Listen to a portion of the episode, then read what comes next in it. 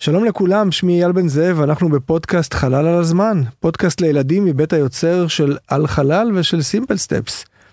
בכל פרק בפודקאסט אנחנו מדברים עם ילדים על חלל בגובה העיניים. איתי באולפן טליה אלדד ודניאל אלכסנדרוב. מה נשמע? בסדר. יופי. תספרו לנו קצת uh, על עצמכם, מאיפה אתן, בנות כמה אתן, מה אתן אוהבות בחלל. אה, אני בת 11 וחצי, אני גרה במסורת יצחק, ומה שמעניין אותי בחלל, אין לי משהו מעניין, כאילו הכל מעניין אותי. אבא לימד אותך טוב בבית. כן. גם למבחנים. גם ל... יפה, יפה מאוד. אוקיי, ודניאל? אמ, אני בת 11 וחצי, ומה שמעניין אותי בחלל זה בעצם שעדיין לא יודעים עליו הכל. זה נכון. אנחנו יודעים שאנחנו לא יודעים הרבה מאוד, נכון? כן. זה נכון. אז תגידי, אנחנו לא יודעים הכל על החלל, אבל מה אכלת היום לארוחת צהריים, את יודעת? כן. מה אכלת? ספרי לנו. שניצל. שניצל? כן. גם אני. מה, של מאמה עוף כזה? או שאימא הכינה? סבתא. סבתא הכינה? כן. אה, אני אכלתי את זה מהפריזר של מאמה עוף. טוב, ומה את אכלת היום לארוחת צהריים? לא אכלתי עדיין. עדיין לא אכלת? מה זאת אומרת? אז מה המאכל האהוב עלייך? אה, אין לי מאכל אהוב. אני לא אוהבת כלום בחלל ואין לי מאכל אהוב. מה זה הדברים האלה? בטח שיש לך מאכל אהוב. אבל לא יודעת מה הוא. ספגטי. לא. פיצה. בערך. שניצל. לא. נראה לכם שאפשר לחיות בלי אוכל? לא. אה, לא. אפשר לחיות יום בלי אוכל? כן. כן. שלושה ימים בלי אוכל? כן. לא. חמישה ימים בלי אוכל? כן. אוכל דבר חשוב? כן. תלוי מתי. אז היום אנחנו נדבר על אוכל. אוכל בחלל. לא? כן. זה חשוב בכל זאת, לא? כן.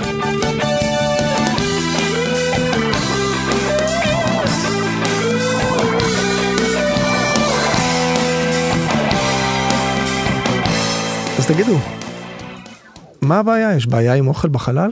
אפשר להביא פיצה ונקניקיות ושניצל והאסטרונאוטים יאכלו והכל יהיה סבבה. כאילו, שאסטרונאוטים טסים לחלל, הם טסים בדרך כלל לתקופה ארוכה של כמה חודשים. מהמם. אז הם צריכים להביא אוכל שלא יתקלקל להם. זה נכון, פיצה תתקלקל, וגם שניצל, אפילו של מאמה עוף, זה לא פרסומת, אני לא מקבל תמלוגים, סתם אמרתי מאמה עוף. אז מה עושים בעצם? מה, בואו אני אשאל אתכם כזה דבר, מה נראה לכם שהם האתגרים בנושא האוכל בחלל? כוח הכבידה. כוח הכבידה מאתגר? אה, תכף נדבר על זה, זה מעניין, זה, זה, זה נקודה מעניינת. מה עוד? אה, דרך אגב, איך כוח, איך כוח הכבידה מאתגר? עוד בהתחלה הוא מאתגר כי אנחנו צריכים להביא אוכל לתחנת החלל הבינלאומית או לחל, לאסטרונאוטים שלנו. וכוח הכבידה קצת מפריע לנו להביא את האוכל לשם, נכון? למה? כי צריך משגרים, טילים מאוד מאוד חזקים, ששורפים הרבה מאוד דלק כדי לעלות עד לחלל ולהביא קצת אוכל לאסטרונאוטים. אז כוח הכבידה כבר מפריע בהתחלה. תכף נדבר אם הוא מפריע גם בהמשך, בחלל עצמו. איזה עוד אתגרים יש עם אוכל בחלל? אה, אה, פירורים. או, פירורים, מה מאתגר בזה? שזה יכול להיכנס לכל מיני מקומות ואז יכול לקרות משהו מסוכן. נכון, לגמרי לגמרי. איזה, על איזה עוד אתגרים אתן יכולות לחשוב? אני לא יודעת. איזה עוד בעיות איפה יכולות להיות עם לשים? אותם? כאילו, מקום לקרר אותם. אחסון כן. וקירור ואולי חימום גם, נכון? אולי אתם מביאים לי פיצה, אמרנו כבר שלא, אבל נניח, צריך לחמם אותה, לא רוצה לאכול את הקרה. זה נכון.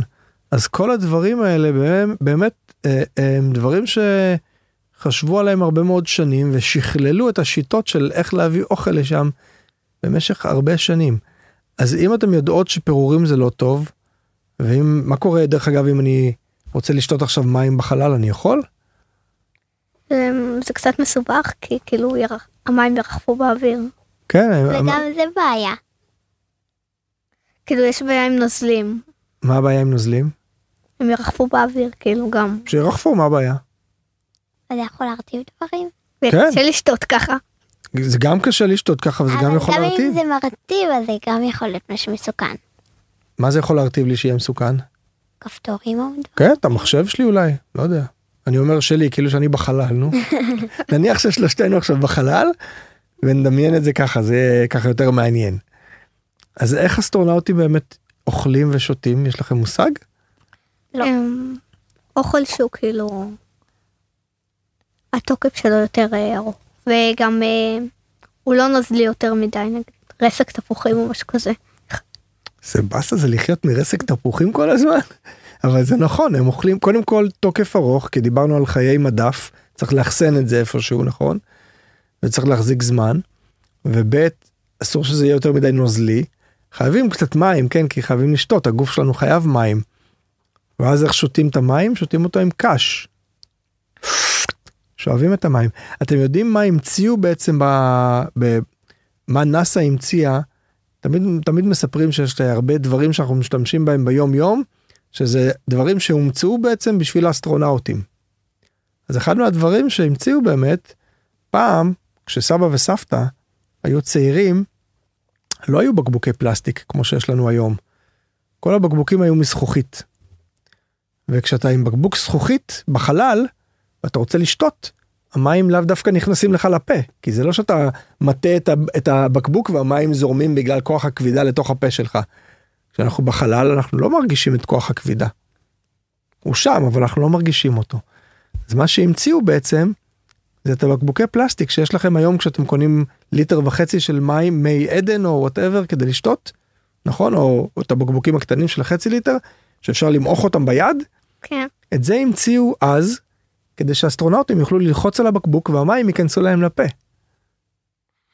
כי על בקבוק זכוכית אי אפשר ללחוץ והמים לא יוצאים. מגניב נכון? כן. כן, אבל אם אה, הם יקבלו בקבוק שהוא לא כזה, אז אה, הם יכולים להכ- להכניס קש פנימה ולשאוב את המים. אז האוכל שיש לאסטרונאוטים הוא באמת אוכל קשה, שלא מתפורר, כמה שפחות נוזלים, חוץ ממים שצריך לשתות, ויש חלק מהמאכלים שמכינים להם שצריך לערבב בהם מים. האוכל כל כך קשה, שאתה צריך לשים מים, לחכות קצת, ואז זה יהיה מוכן. זה מוכר לכם איפשהו? מנה חמה. מנה חמה, נכון. אז כמו שלנו יש מנה חמה, גם להם יש מנה חמה. אותו דבר.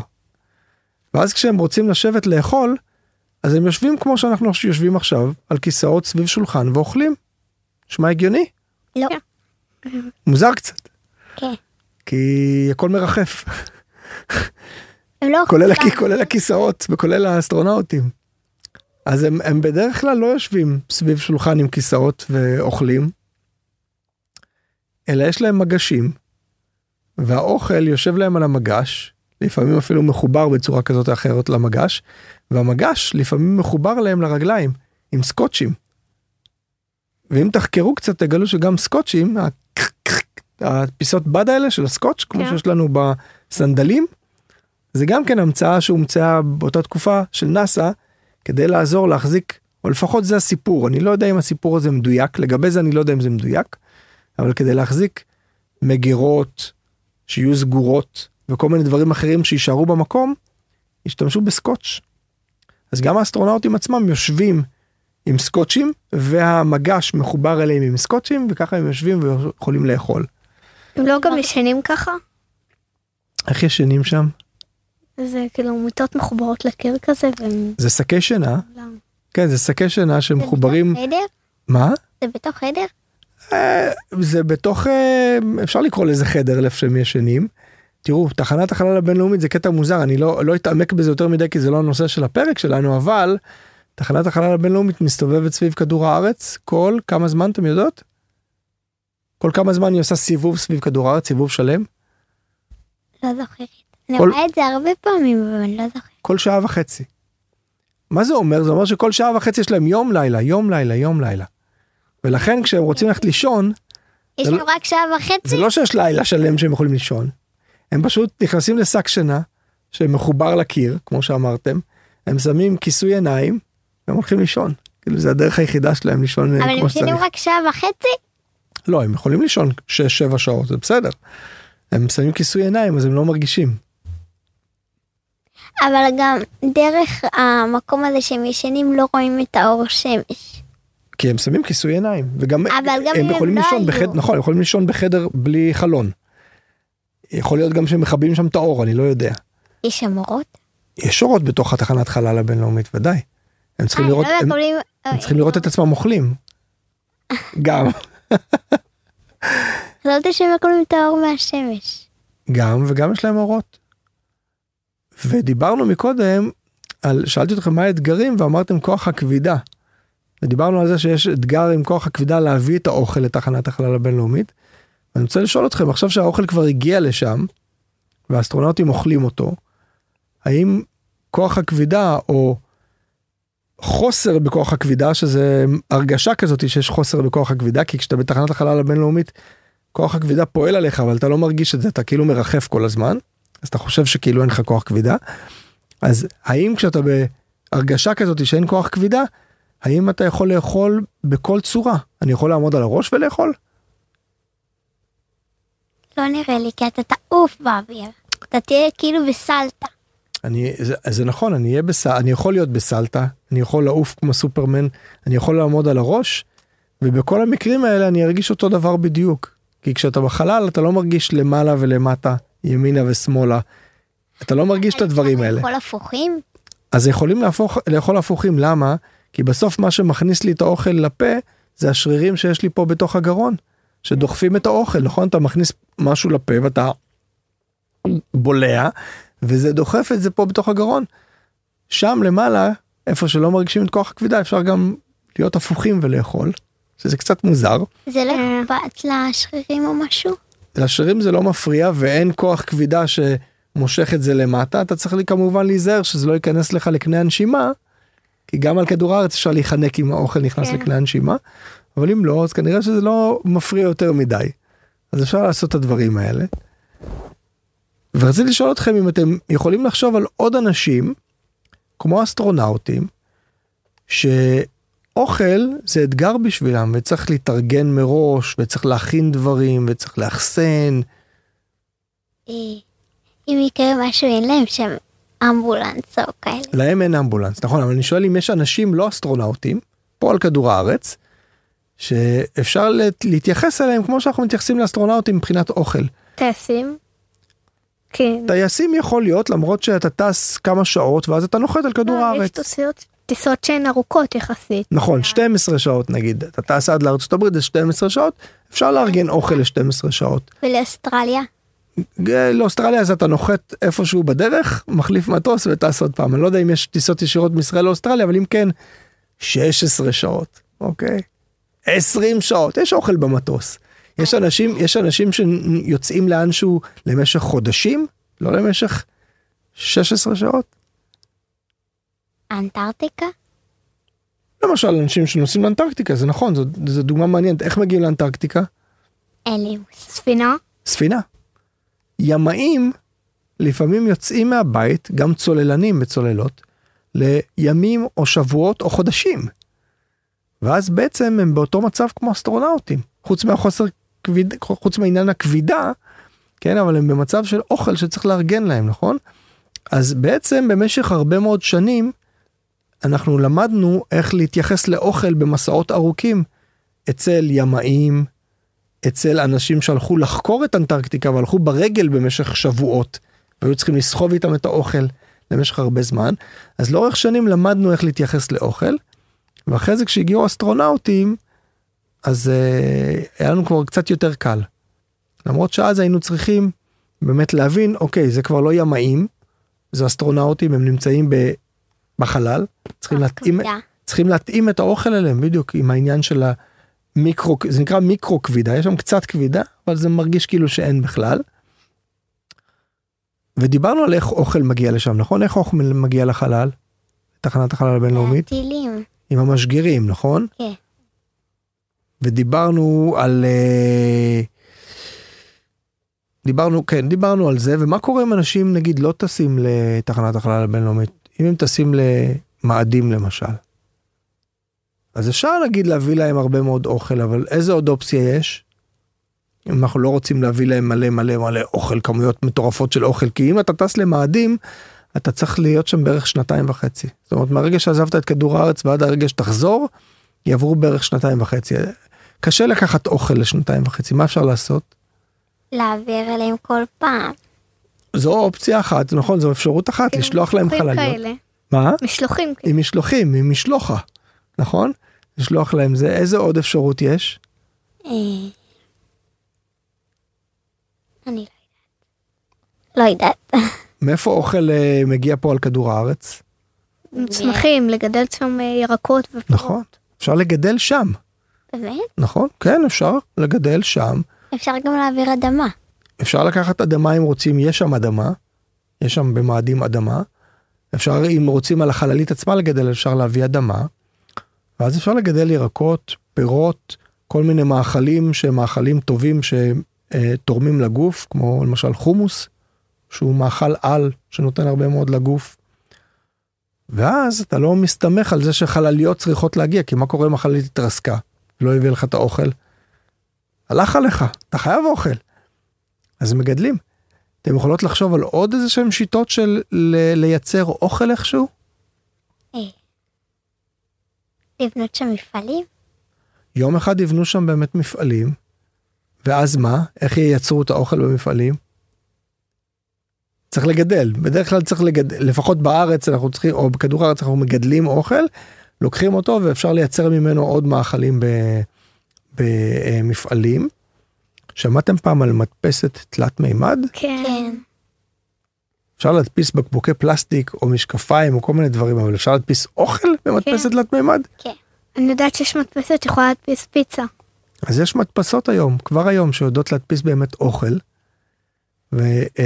וכבר בתחנת החלל הבינלאומית יש מדפסת תלת מימד רגילה, והצליחו גם בתחנת החלל הבינלאומית לייצר סטייק. חלק קטן קטן קטן מאוד מסטייק, אבל הצליחו כבר לייצר כזה דבר. וזה לא בעזרת מדפסת תלת מימד, זה לקחו תאים של פרה וגידלו אותם במ- כמו במעבדה. ואפשר היום על כדור הארץ לייצר בשר שמגדלים אותו בתוך מעבדה. זאת אומרת שלא צריך לגדל פרה ולשחוט אותה בשביל הבשר, אלא מגדלים פרה, לוקחים ממנה תא, תא קטנצ'יק, כמו שלוקחים לנו פה, אם, אם אני אעשה ככה, ירדו לי תאים, עם הציפורן, אם אני גרד, ירדו לי תאים, כן?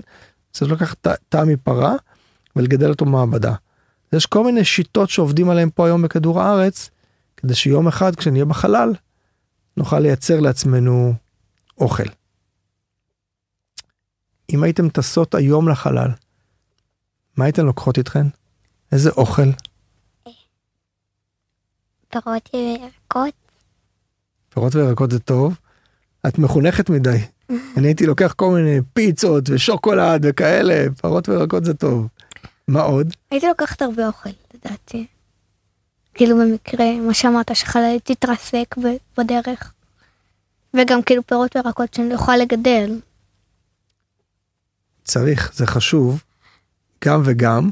האדמה במאדים היא מתאימה לתנאים של ה- של הגידול? זו שאלה מצוינת. שאלה אם, המד... נכון, האדמה שם היא לא כמו האדמה שלנו. יש בה הרבה מאוד תחמוצות ברזל. שמתם לב שכשברזל פה על כדור הארץ מחליד חלודה, בעצם איזה צבע יש לה? אדום. אדמדם כזה, נכון? אדום סגול כזה? כן. מאדים איזה צבע יש לו? כן, זה. חלודה. אז- בורדו כזה. נכון, כי, כי האדמה שם יש בה הרבה מאוד תחמוצות של ברזל.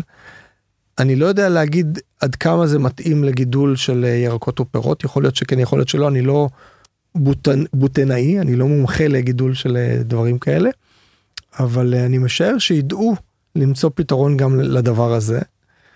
אז אה, אני בטוח שיום אחד כשיגיעו לשם, נגיד בעוד 15 שנה, כשהאנשים הראשונים יטוסו למאדים, אני לא יודע אם הם אז יתחילו כבר לגדל, הם בטח יגיעו פעם ראשונה, ואחריהם יגיעו עוד אנשים, ולאט לאט יבנו שם איזשהו יישוב קבע, ורק אחרי זה יתחילו באמת לגדל. הם בהתחלה בטח יחיו מאספקה שתישלח אליהם כל הזמן, אבל uh, יום אחד יגדלו תפוחי אדמה ועגבניות ופלפלים גם על מאדים. וכשזה יקרה, תזכרו אחורה לפרק של הפודקאסט שהשתתפתם בו, של חלל הזמן, ולשיחה שהייתה לנו על אוכל. יש עוד משהו שאתם רוצות לשאול אותי על אה, אוכל בחלל לפני שאנחנו מסיימים? כאילו, יש קר... סוג של קרח כזה במאדים, אז יכול להיות שזה כן אומר שאפשר לגדל שם דברים. אז בכתבים של מאדים יש באמת קרח, זה פחמן דו-חמצני שקפא, זה גז שקפא שם, אה, אז זה לא לגמרי כמו הקרח שיש לנו פה ממים, אבל יש גם עדויות שהיו מים על מאדים פעם. יכול להיות שהם יחפרו מספיק עמוק באדמה, ימצאו גם מים, אני לא יודע, אנחנו לא יודעים. ככל שישלחו לשם יותר חלליות, ידעו יותר, ואולי יום אחד שהילדות האלה, בנות ה-11, יהיו אסטרונאוטיות ויעזרו לנו לגלות. רוצות? אה, אם הייתה לכם הזדמנות לטוס למאדים, נגיד בעוד 15-20 שנה כשכבר תהיו בוגרות, וזה יהיה כבר קצת יותר בטוח, הייתם רוצות לטוס לשם? כן. כן? וואי וואי, קחו אותי איתכם, אני כבר אבא ואני נהיה זקנים, אבל... אה,